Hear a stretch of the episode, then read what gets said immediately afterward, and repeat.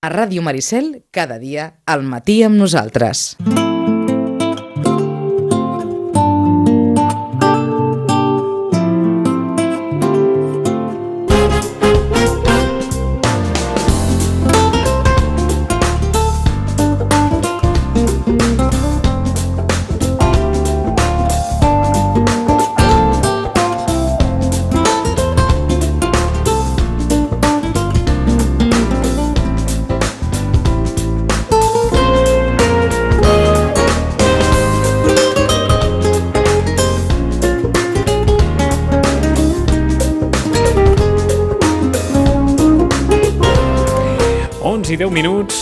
Em sembla que el darrer cop que parlàvem amb Mònica Esgustovà fèiem referència a aquest llibre tan bonic de la relació entre Gal i Dalí i no sabem si després han vingut altres coses o no, però sobre la taula ja ens veiem millor a la foscor.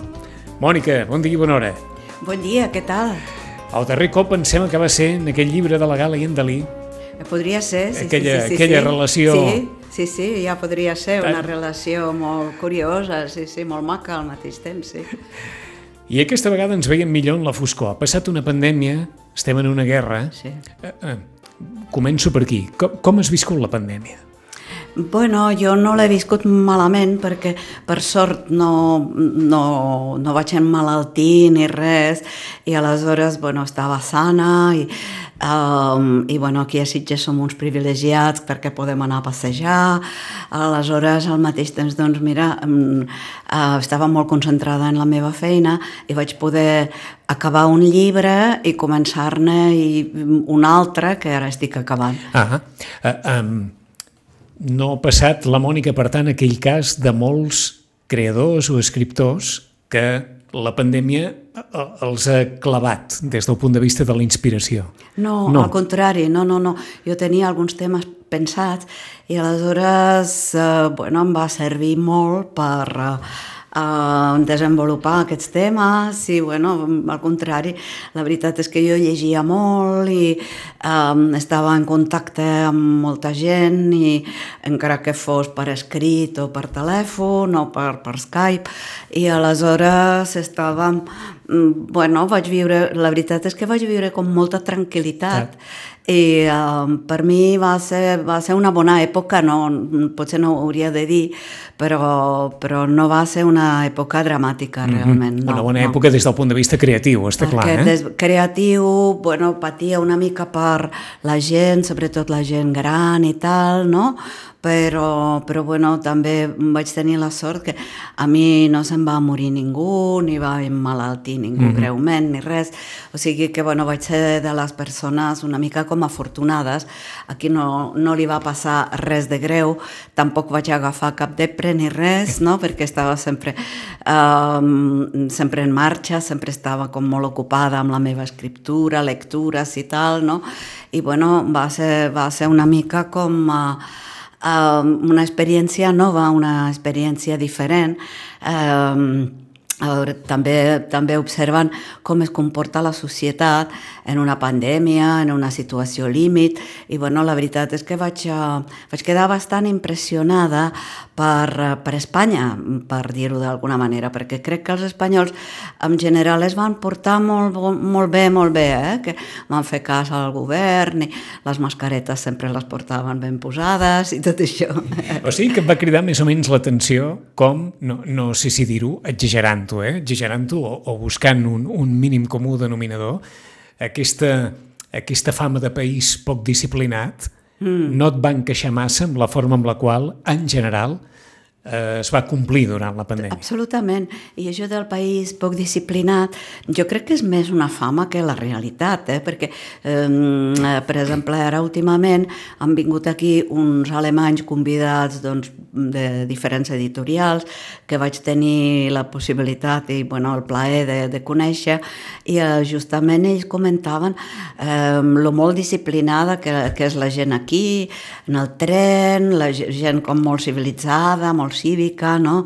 I eh, amb l'autobús, doncs, fent cues i tal, no, ningú es queixava, eh, que, bueno, que deien que al contrari a Alemanya sempre tothom es queixa per tot i protesta i tal, i aquí la la gent és com, bueno, eh, s'ha decidit així, doncs ho hem d'observar i, i eh, hem de complir i la gent és bastant complidora amb mm -hmm. això. Sí. I ara tenim una guerra. Sí, desgraciadament. Eh, eh, malauradament, una de moltes, suposo, però aquesta que ens toca més o menys, més o menys a prop, sí. quina, quina sensació tens? Bueno, jo tinc una, una sensació de, del déjà vu, de lo que jo ja havia vist abans, eh, perquè, clar, sóc d'aquella mateixa part d'Europa, diguem-ne, eh, sóc de Praga i eh, aleshores mm, jo mateixa, quan era nena, doncs vam patir una, també una invasió russa eh, que no va ser una guerra, no va arribar a cap bombardeig ni res d'això, però bueno, també hi va haver morts, més d'un centenar de morts, mm, que clar, no és el mateix que milers i desenes de milers, no? Però, però bueno, també és un país petit, també va ser, va, després va, mm, com que la gent no es va poder rebel·lar i no va poder fer guerra contra els russos, perquè els, els txecs o els txecoslovacs en aquella època eren uns 15.000, eh, eh, perdó, 15 milions, aleshores eh, no, van no van poder fer res no? contra uns exèrcits de cinc països. Um, I doncs el que va passar és que es van haver de sotmetre i van viure sotmesos 20 anys més, no? sotmesos a una mena de neostalinisme, control des de la part de la Unió Soviètica. No? I bueno, els meus pares van aprofitar aquesta situació per marxar van marxar eh, a través de la Índia cap als Estats Units, perquè com que és impossible marxar directament, era impossible marxar en aquella època directament perquè estava prohibit per la llei, aleshores doncs, eh, els meus pares van marxar a través de la, de la Índia, on van anar amb un viatge organitzat, mm -hmm. i mhm. des d'allà van fugir, no? Van fugir als Estats Units. I doncs jo vaig rebre l'educació als Estats Units i després vaig venir aquí a Europa, o sigui que eh, a mi, per, per, per mi va ser una tragèdia durant durant algun temps, però, bueno, eh, però he pogut refer la meva vida perfectament, no? Però clar, en aquella part d'Europa les invasions russes eren comunes, eh, es va produir l'any 56 a, a, a Hongria i després bueno, també a Polònia, no tan greu, però també, també va ser mm, bastant horrorós per a la gent, per a la població.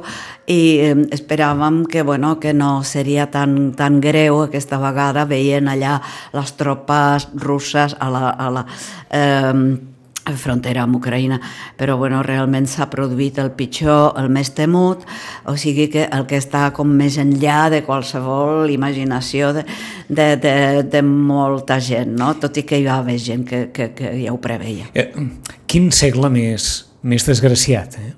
en aquesta part d'Europa? Eh, bueno, sí, la veritat és que el segle XX eh, va eh, copejar fort en aquella, en aquella part d'Europa, això és veritat. És, eh, Um, és un segle, clar, de, de dues guerres mundials i cops d'estat i um, després també moltes um, uh, guerres ideològiques, ideologies esclavitzants i, um, i bueno, bàsicament fins a l'any 89 doncs, tota mena, hi va haver tot, tota mena d'ideologies eh, realment eh, molt dolentes, eh, com va ser el nazisme i després el comunisme totalitari. Eh, i clar, aleshores, bueno, ara en, en, en molts d'aquells països ara hi ha democràcia i és justament el que a, a això aspirava també Ucrània, mm -hmm. que eh, de mica en mica s'hi anaven acostant, eh, democràcia ja la tenien, però s'anaven acostant a l'Occident, no? a, a, a passets, i, um, i bueno, doncs uh, Rússia no els, va, no els vol deixar, però bueno, suposo es, i espero que no, no tindran cap més remei que deixar-los eh, sols. Um, li explicàvem a la Mònica aquella percepció que alguns de vostès eh, ens han dit a nosaltres i, i que segurament també respondria quan la Mònica se'n va anar a, a Moscou a entrevistar a totes aquelles dones que en el seu moment van tenir l'oportunitat d'explicar la seva experiència personal, però aquella sensació de gent trista, Mm, sí, que sí. veiem gent, gent trista, i no només, perquè ara evidentment hi ha, hi ha una guerra i és, i és lògic que veiem gent trista, però sí que aquella sensació d'una societat marcada pel paisatge, per l'entorn, per la història, Sí, com, sí, com si... Esclar, no, no sé si eh, el clima, tot plegat, com, com si veiéssim un món, un món de gent molt resignada Sí. i, i molt trista en el dia a dia. Sí, sí, és que els russos són com molt nostàlgics i, um, i, i mm, sí, la veritat és que no tenen moltes esperances pel futur um, i bueno, quasi és millor per ells, um, bueno, pensen que és millor acceptar-ho, um, jo potser no hi estic d'acord, que sempre és, és millor fer una rebel·lió que, que acceptar-ho, però bueno, ells són molt de, de dir, bueno, eh, Déu sempre ha castigat eh, Rússia i seguirà castigant-la. Bueno, aquesta mena d'esperit, Sí, no? sí, sí. I la veritat és que sí, hi ha... Com una mena de vida molt finalista, vols dir? Sí, sí, sí. sí, sí, com una... Mm, eh, eh, com si mm, tot estigués pre, prescrit, Ja. com si, estigués, com si tot estigués donant. Com si el destí estigués d'alguna- destí, el, que creien en el destí, que el destí de Rússia és aquest, i contra això no s'hi pot fer res, no? Aquesta, aquesta mena, no? Eh, Tot i no, tot, no tothom és així, evidentment, però aquest, jo crec que aquest esprit realment prevaleix bastant en Rússia, no? I, um, clar, o sigui que jo, per exemple, quan vaig entrevistar um, les nou dones a Moscou que formen part del meu llibre eh, vestides per a un ball a la neu doncs eh, elles mateixes ja em van dir que, eh, que Putin era horrorós que no hi, no hi creien mai, que des del començament, des de saber que era una persona que provenia eh, de la KGB, no? eh, dels serveis secrets, aleshores eh, eh, algú que, servei, que, que serveix eh, que fa la seva feina en els serveis secrets com a espia eh, d'un totalitarisme, doncs no podem esperar res de bo d'ell, no? I, eh, i bueno... mm, No s'equivocaven massa, això, la veritat. No, i això era una època quan hi havia molts russos que pensaven, bueno, ja veureu com amb Putin les coses aniran millor, no? I, uh, però aquestes dones, la veritat és que no es van deixar despistar per res i, i ho, veien, ho veien molt clar i tenien tota la raó perquè realment és que Putin està en la mateixa tradició que Stalin i, bueno, és cap, eh, algú capaç de començar una tercera guerra mundial que ni Stalin, eh? Uh -huh. I tens amics allà? Eh, tinc alguns amics, sí, i tant, i tant. Sí, Com, sí, sí, com sí, sí. ho veuen, com ho viuen?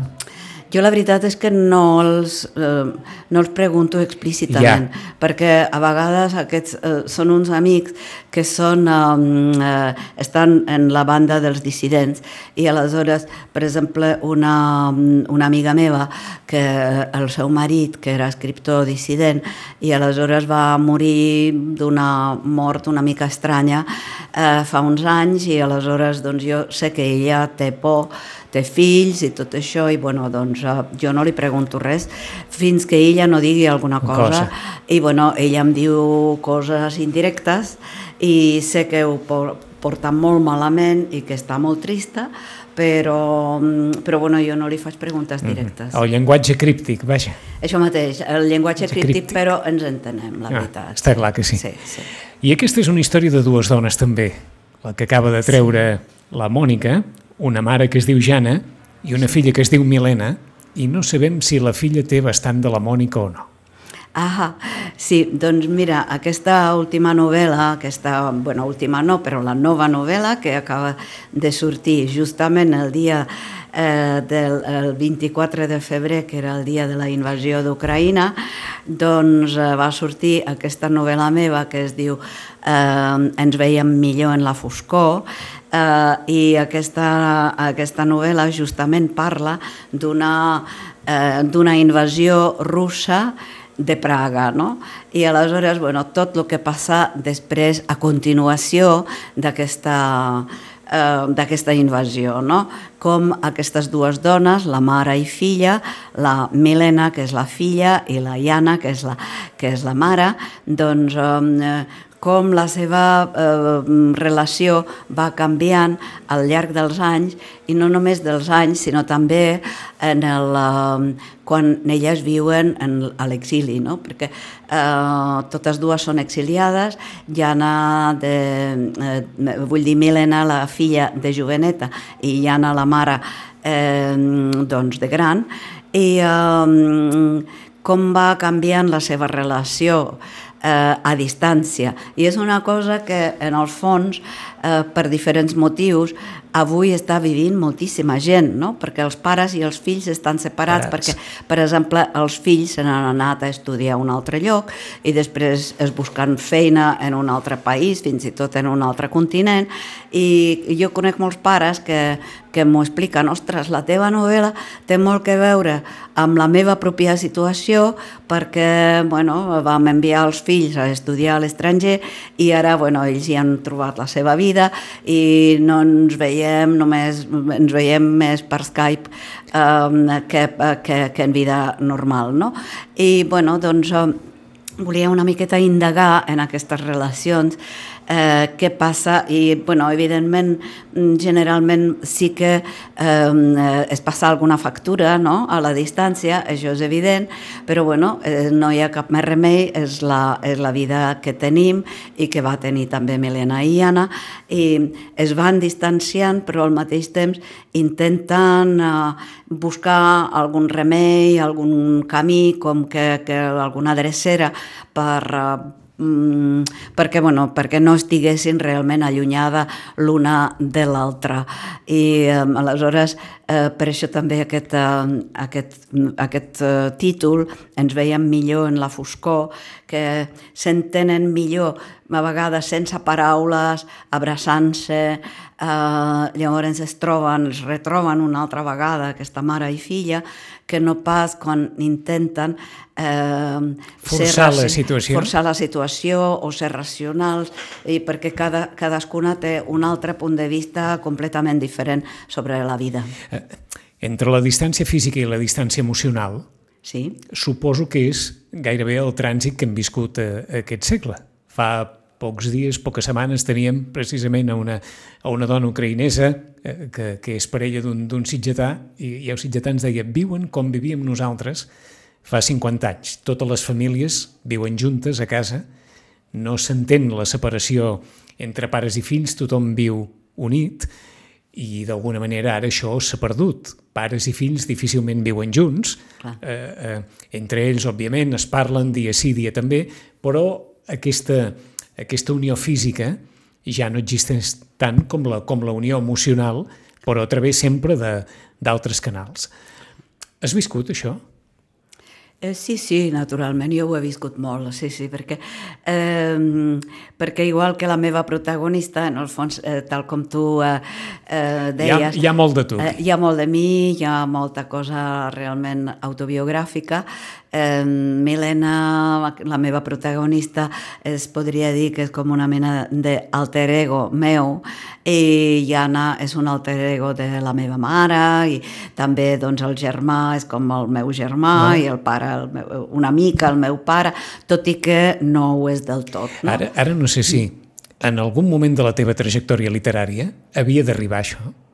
Sí, suposo que sí, clar, jo m'imagino que sí, perquè en el fons els, uh, els escriptors mm, d'alguna manera sempre parlem de nosaltres mateixos, estem presents en totes les novel·les, encara que no parlin de nosaltres, però clar, eh, d'alguna manera hem de filtrar els, els eh, sentiments dels protagonistes, dels personatges, i bueno, generalment doncs, ens basem en les nostres pròpies percepcions. No?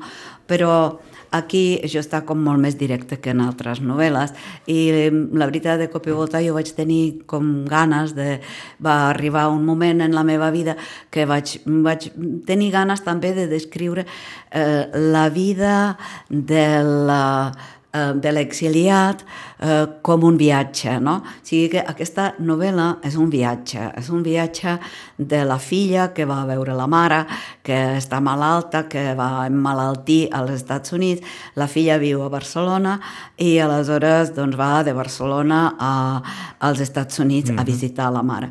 I aleshores tenim les aventures que li passen durant aquest viatge, la gent amb qui es troba, tenim les seves reflexions i tot això, no? Però clar, aquest viatge és una mica com un símbol de lo que és la vida d'un refugiat, d'un exiliat, eh, perquè en el fons eh, nosaltres, tot i que podem viure en un sol lloc, però ens sentim una mica de tot arreu. Ara ens ho ha posat molt bé la Mònica perquè en les pàgines inicials del llibre ja hi ha una frase d'aquelles no, no sé si és de capçalera per les persones que, que han viscut eh, aquesta situació vital. Eh? Un cop marxes de la teva terra, pots viure a qualsevol lloc.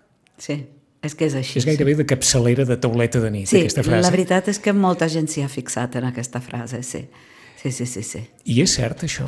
Eh, clar, jo, mm, jo he posat aquesta frase perquè per mi és, és cert. És a dir, entre que estiguis obligat a viure a qualsevol lloc sí. o entre que veritablement et sentis ciutadà de món i puguis viure a qualsevol lloc, deu haver una subtil diferència, perquè que a la fi la Mònica, sempre ho recordàvem, va venir aquí Sitges, entre altres coses, perquè li va encantar aquest entorn, perquè necessitava aquest entorn, possiblement hagués pogut anar a viure a qualsevol altre lloc, perquè havia vingut dels Estats Units, havia passat per molts llocs.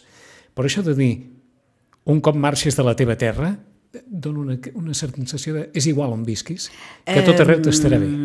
Sí, és una mica que a tot arreu et pots sentir, et pots arribar a sentir com a casa, no? O quasi a tot arreu, perquè jo la veritat a tot arreu no ho he, tampoc ho he experimentat. Està clar, és una no? frase feta, però... Però ho sé, per exemple, pel meu germà, que viu al Japó, i uh, o va viure molts anys al Japó i bueno, s'hi va sentir molt bé durant molts anys i ara per feina doncs uh, se n'ha anat a viure a Malàisia i també també s'hi està trobant perfectament bé, però bueno, de la mateixa manera es planteja si podria anar a viure, per exemple, doncs a l'ex-Jugoslàvia, algun d'aquells països que, que es van crear allà. O sigui que jo ho veig, per exemple, amb ell, no?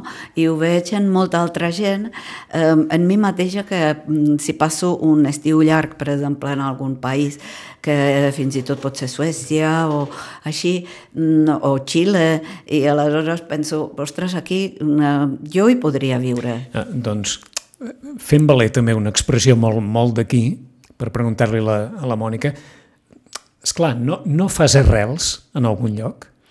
Eh, mira, aquí faré servir la frase que va dir, que va dir eh, Josep Brodsky, eh, també un exiliat eh, de Rússia, ell de Rússia als Estats Units, eh, i eh, quan li van preguntar que, que, eh, on tenia les arrels, ell va dir no soc, soc un ésser humà i no un arbre per tenir arrels. Llavors, jo la veritat és que diria més o menys això. Eh? Diries més o menys això? Jo diria més o menys això, perquè jo, per exemple, aquí a Sitges estic molt bé, estic molt bé a Barcelona i estic, a, um, estic molt bé a Praga o quan torno a Nova York, els llocs on vaig viure bastant temps, eh, però, però arrel, arrel, no, estic a gust i bueno, la meva casa també doncs, és la gent que estimo, eh, també és una altra mena d'arrel, no? O sigui que... Eh, sí. T'ho pregunto per si estirem d'aquest fil i diem bé, és vostè una persona de món? Sí, jo crec que sí. sí. La veritat és que sí, perquè... Sí, Aleshores, ja... Mm. els conceptes de... Vaja, tot aquell fil de conceptes que forma tant part d'Europa de, des, de, des de molts anys enrere, la pàtria, la, la nació, el sentiment col·lectiu de formar part de... Sí. Tot això com, com s'incorpora? Eh, jo la veritat Quan és un que... se sent ciutadà de món. Sé que la gent ho sent, això, però jo la, la veritat és que no, no molt, eh? perquè, per exemple, doncs, en el meu país d'origen doncs estic molt contenta quan alguna cosa, per exemple, culturalment va bé o políticament també, però tampoc em desespero si no va bé, no? I per mi és molt important, per exemple, doncs, en les, eh, per exemple que ahir, ahir hagués guanyat Macron, uh -huh. perquè això és molt important per Europa, perquè jo la veritat és que em sento molt europea, això sí, aquest sentiment el tinc, més que amb cap comunitat gran o petita, tinc, el, el, crec molt en el projecte europeu, crec que és un dels projectes polítics, culturals, etc millors que s'han pogut fer en el segle XX i ara en aquestes últimes dècades. O sigui que crec fermament amb això i realment no voldria que, re, que, que res posés en perill aquest projecte. No? Llavors, això sí, més que, més que altres coses, bueno, trobo que moltes altres coses són com passatgeres i saps què passa? Que potser eh, el qui és exiliat mira la vida mira. una mica, una mica subspecie eternitatis, saps? Com des del punt de vista de la eternitat, més que qualsevol cosa petita també eh, et, et deixes influir, però potser una mica menys que una persona que no ha canviat mai de, de lloc. Estiro també aquest film, eh, ens parlava d'aquesta concepció europea, d'aquesta vindicació, el sentiment d'escriptor eh, compromès, mm -hmm. on se situa aquí? Mm. Sí, n'hi ha eh, alguns que ho si són... Si és que cal situar-lo o si Clar, és que simplement... N'hi ha alguns que, que ho són i que ho senten així i que, que la veritat és que d'això fan la, la seva bandera i la seva estètica, no?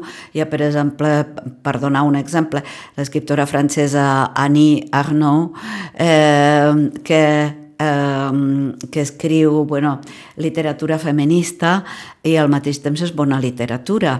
No per fer una cosa com ideològica no deixa de ser bona literatura, però no és el meu cas.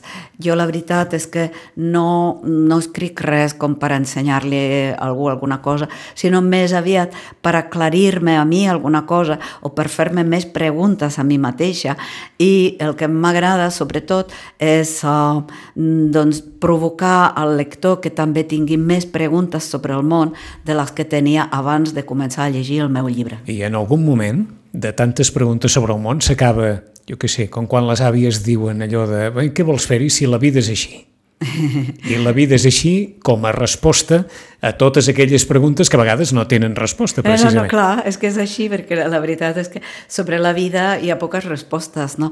Um, en la correspondència de Chekhov amb la seva dona eh, trobem entre, eh, en una de les últimes cartes com per posar punt final a aquesta correspondència, perquè això va ser just abans de morir Chekhov, doncs eh, eh la, seva, la seva dona li pregunta per correspondència perquè eh, ell havia de viure al sud de Rússia per la seva malaltia, la tuberculosi, en canvi, eh, en canvi ella vivia a Moscou perquè era actriu de teatre. No?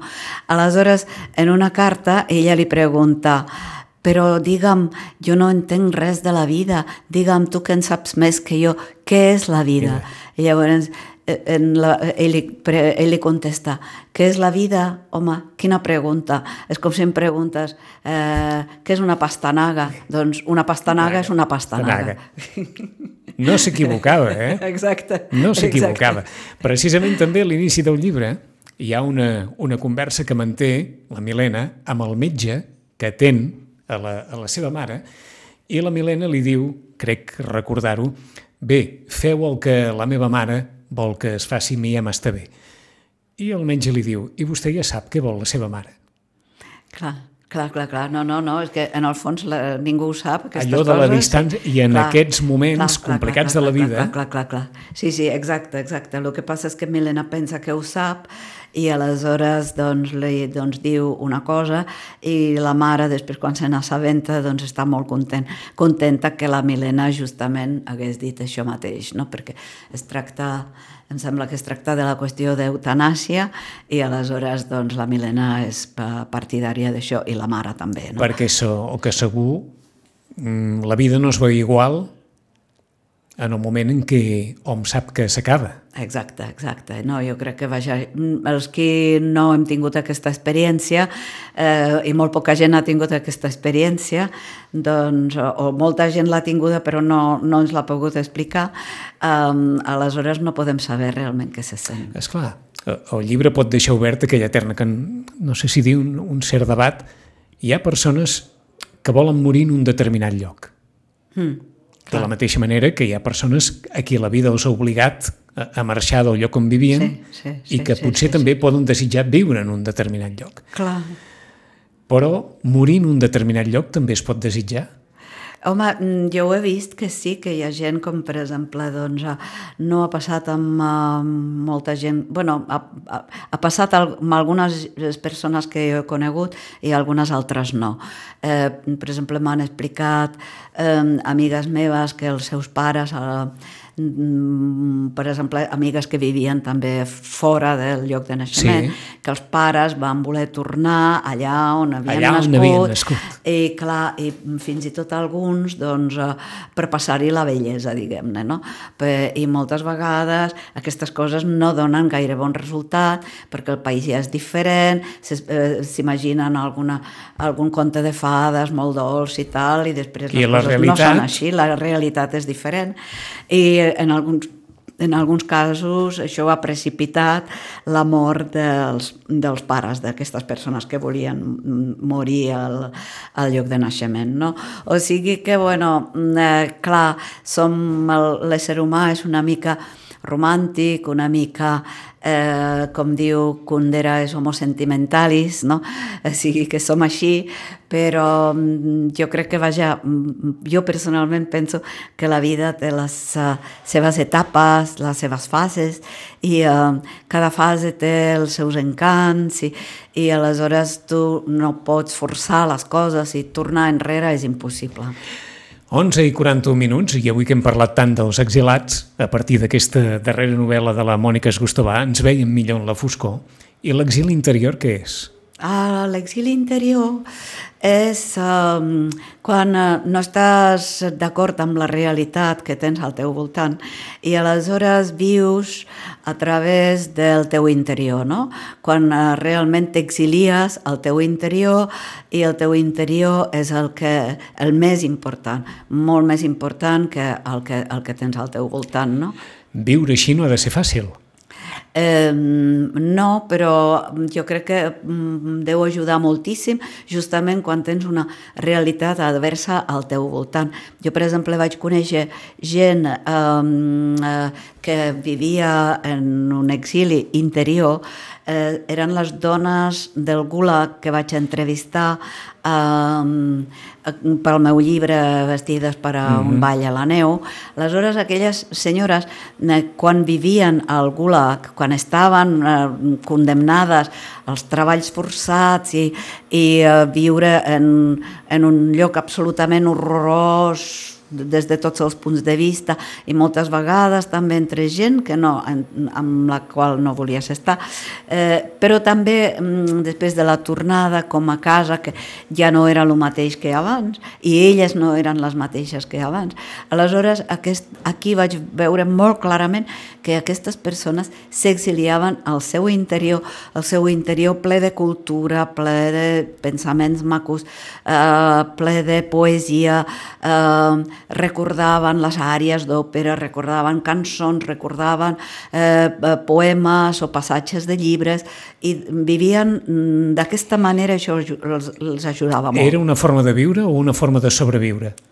Um, home, era una forma de sobreviure, per començar, però es va, això es pot convertir en una manera de viure també, i una manera de viure uh, amb plenitud, perquè si tu tens una vida interior rica, aleshores mm, quasi pots prescindir de la vida exterior. Jo això ho vaig veure clara, eh, molt clarament amb aquestes dones i per nosaltres és molt difícil perquè, perquè ho busquem molt en l'exterior, però mm -hmm. bueno, jo no en dic la vida això... social, en l'entorn, forma clar, part de... Clar, i, i clar, hi ha passejos macos, i cine, teatre, Està i clar. restaurants, no? Però per elles no era necessari. I tu ara, parlant de l'exili interior, has donat en la clau que realment aquestes dones, la vida interior va arribar a ser tan important Important. per elles que um, en tornar després a la vida normal mm, no la entenien, no entenien per què aquests valors exteriors, no? si la vida interior et dona tantes satisfaccions. És a dir, no us arribava a omplir tant la vida normal com la seva vida interior. Exactament. El món deu estar ple de gent que està vivint un exili interior, eh? Sí, jo crec que hi ha moltíssima gent i aquells que tenen una vida prou rica o saben establir dintre seu una vida prou rica com per eh, eh, poder prescindir de lo exterior eh, o almenys parcialment prescindir, jo crec que són unes persones que realment és, és envejable eh, poder, poder tenir això dintre teu. Editat per Galàxia Gutenberg, ens veiem millor en la foscor. Català i en castellà és la darrera novel·la de la Mònica Esgostobà. Mònica, gràcies una vegada més. Gràcies a tu. Fins la propera. Adeu.